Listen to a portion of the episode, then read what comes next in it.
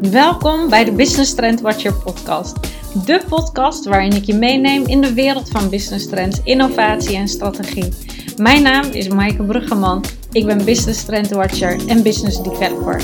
En mensen kennen mij ook heel erg goed omdat ik graag alles opschud en dwarsdenker ben.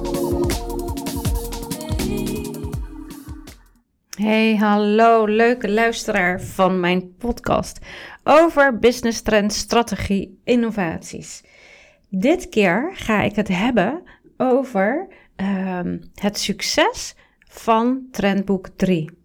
Zoals je misschien weet, uh, uh, is mijn trendboek um, onlangs gelanceerd. Binnen 48 uur uitverkocht. De Limited Print Edition. Um, ik kreeg daar heel veel vragen over. Um, of ik kon delen wat ik nou had gedaan. en hoe ik ervoor zorgde dat die uitverkocht raakte. En wat ik daar dan in had gedaan, et cetera. Dus eigenlijk wat mijn succesformule was en is. Um, ik hoorde ook dat heel veel um, om me heen, dat mensen uh, vroegen van, oh, heeft ze dat nou gedaan? Maar ik kreeg ook heel veel mailtjes met de vraag van, hoe heb je dat nou precies aangepakt? Hoe is jouw salesstrategie geweest? Um, wat heb je gedaan? Hoe komt het dat je dit voor elkaar hebt gekregen? Uh, wat haal je daaruit? Bladibladibla.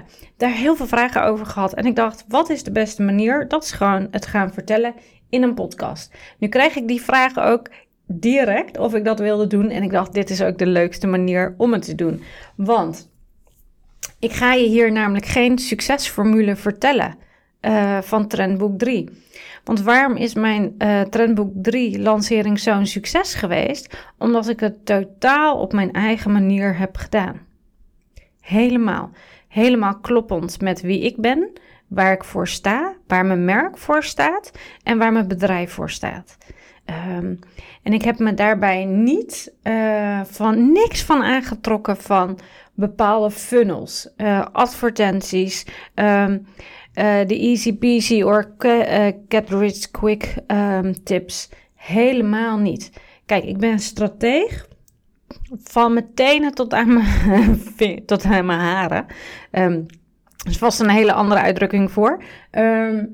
Maar alles in mij is strategie. Um, en uh, met name, ik hou enorm van creatief ontwikkelen. Concept development is het allerleukste wat ik vind om te doen.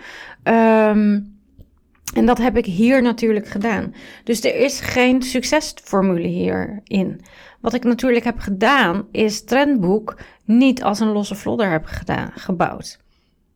Trendboek is echt een concept geweest waarin ik steeds heb gewerkt, heb gebouwd, geschaafd heb geschrapt en weer heb opgebouwd.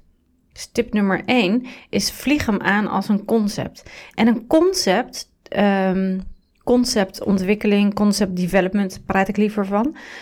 Um, dat is niet dat je een ideetje hebt en dat je daar meteen een product of dienst van maakt. Uh, of dat je heel goed bent in het bedenken van namen. Als conceptstrateeg uh, weet ik heel goed natuurlijk welke stappen ik moet zetten uh, om tot een heel sterk concept te komen. Dus je hoort het al aan, aan hoe ik het zeg. Er zijn hierin zoveel verschillende stappen die cruciaal zijn geweest. Um, en dat was natuurlijk hierin als eerste concept development. Het was concept. Het is een concept waarin ik heb gebouwd. Um, het was niet een losse post die het vervolgens deed verkopen. Dat zou wat zijn. Um, en een concept is dus niet een fancy naam meteen bedenken. En of denken van, oh, ik ben heel erg goed in het in bedenken van namen of iets met merken. Dus ik ben een uh, concept developer. Nee, dat ben je dan niet. Dan heb je gewoon een bepaalde kwaliteit. Maar dan bouw je nog geen concepten. Wat hier verder belangrijk bij is, is dus ten eerste concept development. Maar wat heb ik nou in die laatste uh, trendboek 3 heel erg gedaan? Nou, dat is die andere grote liefde van mij. Um, en dat is natuurlijk customer journey en customer experience. En daar gaat deze podcast over. Um, ik heb deze helemaal uitgewerkt. En dat zeg ik helemaal. Um, want een customer journey en customer experience uitwerken, dat is niet een tijdslijn maken. En vaak denken we dan, oh, de tijdslijn is uh, wanneer de lijnen open gaan en wanneer de deur open gaat of de periode ervoor. Um, op die manier, nee, dat is het niet. Het is zoveel meer dan dat. Nu kan customer journey en customer experience ook super complex gemaakt worden. Dat ga ik hier niet doen. Ik ga hem eventjes heel erg easy peasy Jip en Janneke doen. Um, want anders is het ook niet meer heel erg praktisch toepasbaar. En ben ik bovendien meer dan drie uur aan het praten. Lijkt me niet handig. Als eerste had ik natuurlijk mijn scope. Dat is het doel. Wat was het, is het doel dan met Trendboek 3? Dus als jij iets gaat doen met een magazine, um, met een hele toffe nieuwe dienst, misschien ga je wel een werkboek verkopen, ga je maken en verkopen. Um, tip 1, maak er een concept van. Tip 2, wat bepaal wat je scope is. Dus wat is het doel? En voor wie maak je dit? En maak je dit omdat je het zelf heel graag wil? Um, of heb je daar ook een onderzoek naar gedaan of hier behoefte naar is? En via welke kanalen ga je dat allemaal aanpakken? En wie heb je daarvoor nodig? Nou, dat heb ik helemaal uitgeschreven. Dat lag er bij mij natuurlijk al van de vorige keer. Vorige keer ging het ook heel erg goed, ook binnen 48 uur. Maar ik dacht, ik wil het nu wel toffer. Daarbij nam ik natuurlijk mee dat we in een freaking saai jaar zitten met COVID. Um, dat het voor de introverts een tijd van hun leven is. Um, maar voor de mensen zoals ik, die heel erg nieuwsgierig zijn, uh, altijd on the go, um, heel erg uh, houden van prikkels, inspiratie, activatie, is dit toch wel een beetje een saaie tijd. Um, en dat heb ik heel erg uh, meegenomen. Dus die scope heb ik bepaald, die heb ik uitgeschreven. En vervolgens ben ik het in de tijdgeest gaan plaatsen. Dus in de context van wat speelt er nu? Waar is nu behoefte aan? Um, wie zijn dus die kopers? En ervaren zij dat net als ik? Als ik uh, bijvoorbeeld al mijn kopers heel introvert zouden zijn, uh, moet ik dan die customer journey en experience echt heel anders doen dan ik nu heb gedaan. Vervolgens ben ik episodes gaan maken um, om experiences toe te gaan passen. En ik ben die eh, episodes ben ik ook gaan uitschrijven. Dat is bijvoorbeeld de Secret Sales Squad. Je kan je inschrijven voor een geheime lijst. Uh, dat kon maar. Dat was, had ik gepost via social. Um, daar kon je me maar, geloof ik, zo even uit mijn hoofd een week voor inschrijven. Um, en dan zat je in de Secret Sales Squad. Vervolgens stuurde ik die Secret Sales Squad secret messages. Dat waren voiceberichten, omdat ik gewoon heel erg geloof in voice. Um, waarbij ik ze heel erg uh, betrok bij het proces, het maken, het creatie, inspiratieproces van Trendboek 3. Um, ehm, daar zaten ook meteen tips bij. Dat waren ook gewoon learnings on the go die ik ervaarde, waarvan ik dacht: hé, hey, daar heeft een creatieve ondernemer uh, die out of the box is, die anders is dan standaard, ook iets aan. Een voorbeeld hiervan is bijvoorbeeld dat ik dacht op een gegeven moment ook, ik ga echt heel erg uh, clean uh, zijn in mijn, in, mijn, in mijn magazine. Terwijl ik helemaal dat niet ben. Um, nou, dat is een mooie learning. Uh, dingen die er misgaan. En hoe los je dat dan op? Wat zijn de pivots die je maakt? Daar waren de secret messages voor. En vervolgens kwam er een secret launch. Dus je ziet al dat ik enorm veel, dat is het volgende punt, allemaal touchpoints heb toegevoegd. Heb ik heel bewust gedaan. Die touchpoints kom ik zo op. Nou, waarom had ik dan die secret launch? Wat, eh, dat is dus de lancering, niet een launch, maar een launch. Um, waarom deed ik dat? Um, omdat ik ook iets wilde teruggeven aan de mensen die al die tijd uh, samen met mij in die Secret Messages uh, squad of in die Secret Sales squad zaten. Um, super loyale mensen, de leukste mensen zaten daar, for real, echt. Uh, ik wist ook precies wie erin zaten. Hè, ken je data? Um, en het deed me echt meer dan deugd dat er de leukste mensen in zaten. Dat ik dat, die lange lijst doorkeek en ook dacht: oh, dit zijn echt gewoon de tofste mensen. Want wie zijn dat? Dat zijn de early adapters, de innovators, um, de fire-up in the belly people. Hè, um, die heel erg zelf ook nieuwsgierig zijn. Uh, die ook gewoon doen en niet toekijken. De doeners, de activeerders. Ehm, dus ik vond dat dat was een hele mooie bevestiging. Hè? En die bevestiging heb je ook in je customer journey en je, in je customer experience nodig. Nou, waarom deed ik dus al die experiences erin? Om inspiratie te laten, mensen te inspireren, ehm, te zorgen voor activatie, um, te laten kijken uh, want mensen gaan altijd vergelijken, te laten zien. Nou, vergelijk maar. Vergelijk maar met iemand, een ondernemer die een magazine heeft uitgebracht en die het zo heeft gedaan. Nobody. Niemand. Dus ik gaf ze ook heel veel ruimte uh, voor vergelijk. En ik weet ook dat uh, de mensen in de Secret Sales Squad, de leukste, ehm, doen dat ook. Want die zijn altijd nieuwsgierig, die kijken altijd naar nieuwe dingen. Um, die lopen vooruit op de troepen. Dus die, die hielden dat natuurlijk ook op de ga in de gaten. Logisch, terecht, zou ik zelf ook doen. Er was alleen geen vergelijking. Was ik dan de eerste die een magazine deed? Nou ja, het is mijn derde. Toen, toen met bij de eerste ook helemaal niet. Maar ik dacht wel, als ik het doe, dan ga ik het op zo'n manier doen die niet eerder is gedaan. Dat brengt me uh, vervolgens dus ook naar de touchpoints die heel belangrijk zijn in je customer journey en in je customer experience. En dat is echt ehm, het stuk van de merkbeleving. Van klopt alles qua beleving? Uh, klopt de reis die de klant maakt en de potentiële klant naar klant? Uh, klopt dat? Klopt dat in de merkbeleving die ik wil? Klopt dat in hoe ik de, uh, deze klant wil laten voelen? Um, of de potentiële klant? Want het is van potentieel van, van iemand die het hoort, ziet, naar potentiële klant naar klant. Um, dus kloppen die merkwaarden die ik heb? En met name hoe mensen mijn merk zien, klopt dat in de customer journey? Klopt dat in de customer experience? Um, en daar, dat ging ik elke keer als ik iets bedacht. Uh, want ik had echt een customer journey. en vooral een customer experience die heel eigenzinnig was. Dan dacht ik, klopt het, klopt het hè, in, uh, met mijn merk? Klopt het wat ik nu doe? Is het compleet? Wat mis ik? Uh, of wat kan er weg?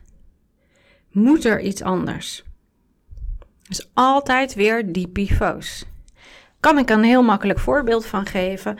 Um, dat er echt heel veel pivots zijn geweest. Er was een hele layout die ik niks vond uiteindelijk. Dat ik dacht, nee, dit is hem niet. Dat is een pivot, hebben we het helemaal omgegooid. Um, maar een pivot kan, is ook geweest dat ik um, op het laatste moment bijvoorbeeld door de United Nations werd uitgenodigd voor een hele toffe summit uh, in Stockholm. Um, weliswaar online, maar met de grootste scale-ups, uh, CEO's van Zweden. Um, waanzinnig. Dan maak je een hele snelle pivot, want dat is in mijn merkbeleving zo van toegevoegde waarde, heb ik dat nog toegevoegd. Um, omdat ik uiteindelijk wist, dat past bij mijn merk, maar dat is ook in een customer journey van uiteindelijk degene, de klant die lezer is geworden. Dus dan zit je aan het einde van die customer experience, customer journey. Um, dat die dat ook klopt. En daar zitten nog heel veel verrassingen aan. Um, vind ik wel grappig om te zeggen. Als je helemaal aan het einde bent van de customer journey, um, zitten er nog heel veel plot twists in de customer experience. Um, waar ik nu niks over ga zeggen, want dat zijn echt de lezers die dat als eerste gaan ervaren. dus ik kijk elke keer dan heel erg in die customer journey, customer experience van klopt het de reis die ze de klant hierin maakt? Klopt het in die verschillende segmentatie van klanten die ik heb? Is het compleet? Wat mis ik? Um, wat kan er weg? Wat moet er anders? En dat zit hem in hele kleine dingen. Dat is dat, de, um, dat ik een envelop heb gestuurd met een um, door, mijn, uh, door mijn designer, niet dat ik dat heb gedaan, notitieboekje met een persoonlijke kaart met een uitnodiging voor de name reveal party. Weer een touchpoint, weer een contactmoment, weer het samen zijn, weer het verbinden, weer het anders doen en weer het moment dat mijn merkbeleving heel erg klopt.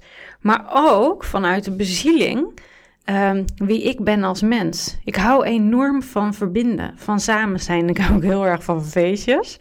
Ehm, maar nog meer hou ik ervan om mijn uh, klanten echt ook te ontmoeten. En dat kan nu niet helemaal, maar dat kan online wel. En ik wilde ze ook heel graag gewoon zien.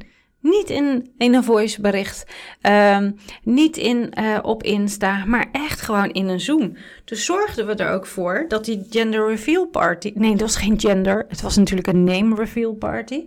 Um, ook weer heel erg in de touchpoints in de merkbeleving klopte.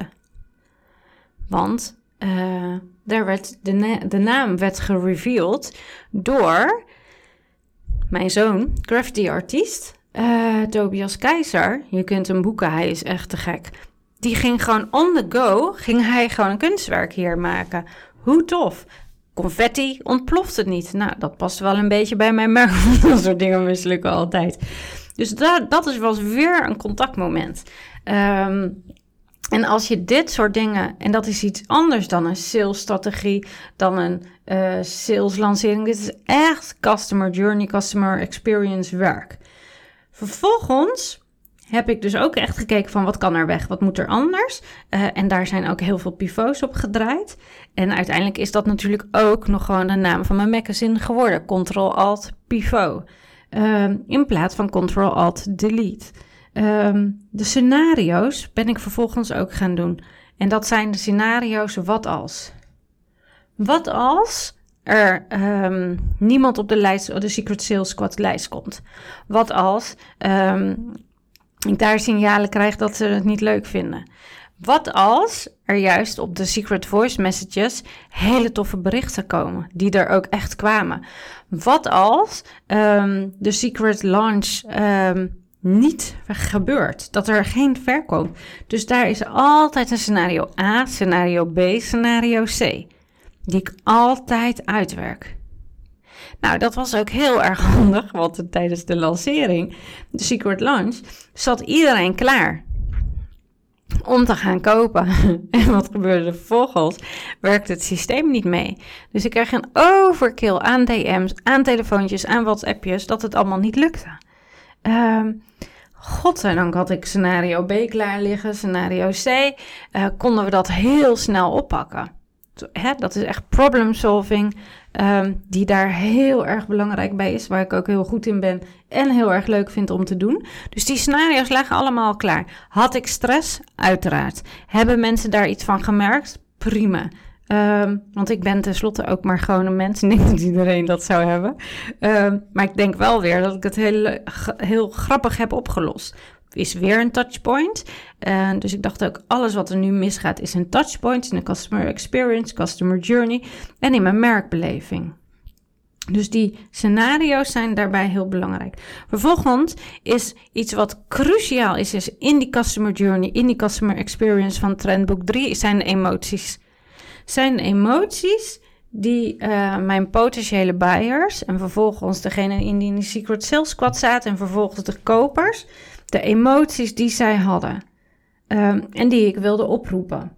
Maakt dat, dat dat ik het manipuleer? Nee. Nee, want ik ben heel erg dus uitgegaan van Zoom-fatigue. Dat je eigenlijk een soort van afgestompt bent en dat elke uh, activerende prikkel um, ook weer een creatieve impuls kan zijn. Dus ik heb heel erg gekeken naar de emoties van hoe kan ik positieve activerende emoties toebrengen. Waarbij ik heel erg heb gekeken naar uh, activeren qua learnings, maar activeren ook uh, qua verwondering. En ik vind het altijd heel leuk als, men, als we gewoon lol hebben, dat mensen blij worden. Um, dus bijvoorbeeld uh, de brief die uh, iedereen kreeg, nou niet de brief, de mail natuurlijk van na de verkoop. Ik wist gewoon in de customer journey en in de customer experience moest dat echt gewoon een knaller zijn. En niet van, oh leuk dat je hem hebt gekocht, um, we verwachten hem dan en dan te versturen. Past niet bij mijn touchpoint, touchpoint merkbeleving. Ik wilde echt weer verwonderen, maar ook dat mensen bijvoorbeeld heel hard in de lach gingen schieten. Um, en ook dachten, ja, dit is zo kloppend. Um, en ook dus heel erg content waren met de aanschaf. Dus dat is niks vanuit ehm, het moet zo of het moet zo. Ik dacht echt van welk fijne gevoel wil ik nou meegeven?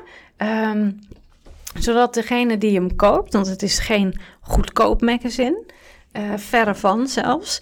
Ik weet dat er echt mensen zijn geweest die hebben gezegd, nou belachelijk zo duur. Maar dat waren niet de mensen die in de Secret Sales Squad zaten. Um, elke keer heb ik gedacht van hoe kan ik ze nou blown away krijgen, maar ook, niet maar, maar en ook, nee, dus nu zeg ik het nog een keer, en ook, hoe kan ik deze waanzinnige toffe meiden activeren om ook wat meer bold moves te maken en de, ook de vertaalslag te maken naar zichzelf van hey, dit vind ik zo tof, hoe zou ik dit nu kunnen toepassen binnen mijn eigen business? Was het daarmee over de top? Was het te veel energie, et cetera? Die vraag krijg ik ook heel veel. Ehm, voor mij niet. Um, want dit is natuurlijk weer onderdeel van een andere customer journey, van een andere customer experience. Um, en ik vind dit uh, als strateeg kan je deze stappen niet overslaan.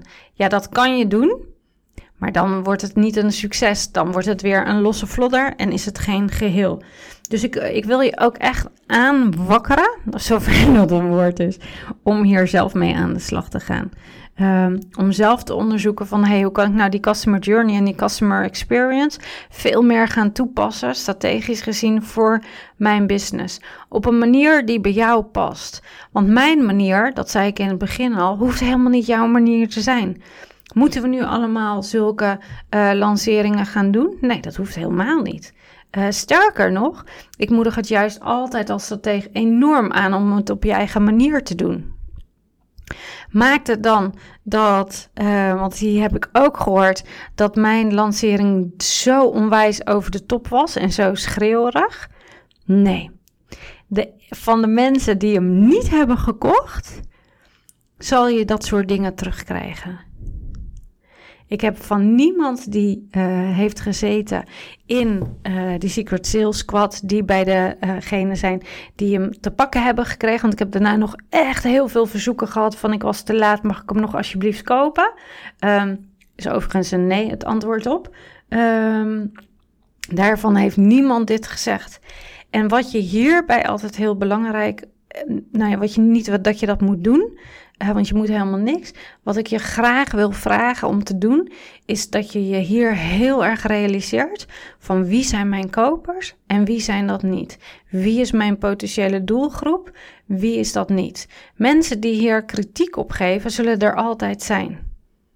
Daar kan heel veel projectie bij zitten, kan afgunst bij zitten, irritatie, kan een momentopname zijn, kan van alles spelen. De vraag is, ga je daar energie in stoppen?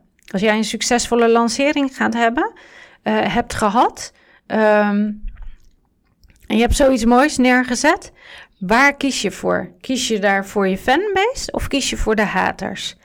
En daarbij denk ik, ik krijg altijd best heel veel kritiek, uh, wat weinig rechtstreeks komt, maar vaak via via. Dan bedenk ik altijd Michelle Obama, die ik persoonlijk heb ontmoet. Die heeft daar een keer een heel, een hele terechte zin over gezegd, die ik altijd bij mezelf herhaal, is when they go low, we go high. Dus als jij er tegenop ziet uh, om het anders te doen, wat, uh, en dan dat je dat heel spannend vindt, of dat je met die customer journey gaat werken, customer experience en dat allemaal ingewikkeld vindt en bang bent voor comments, denk hier aan. En wie zijn je fans? Wie is je community?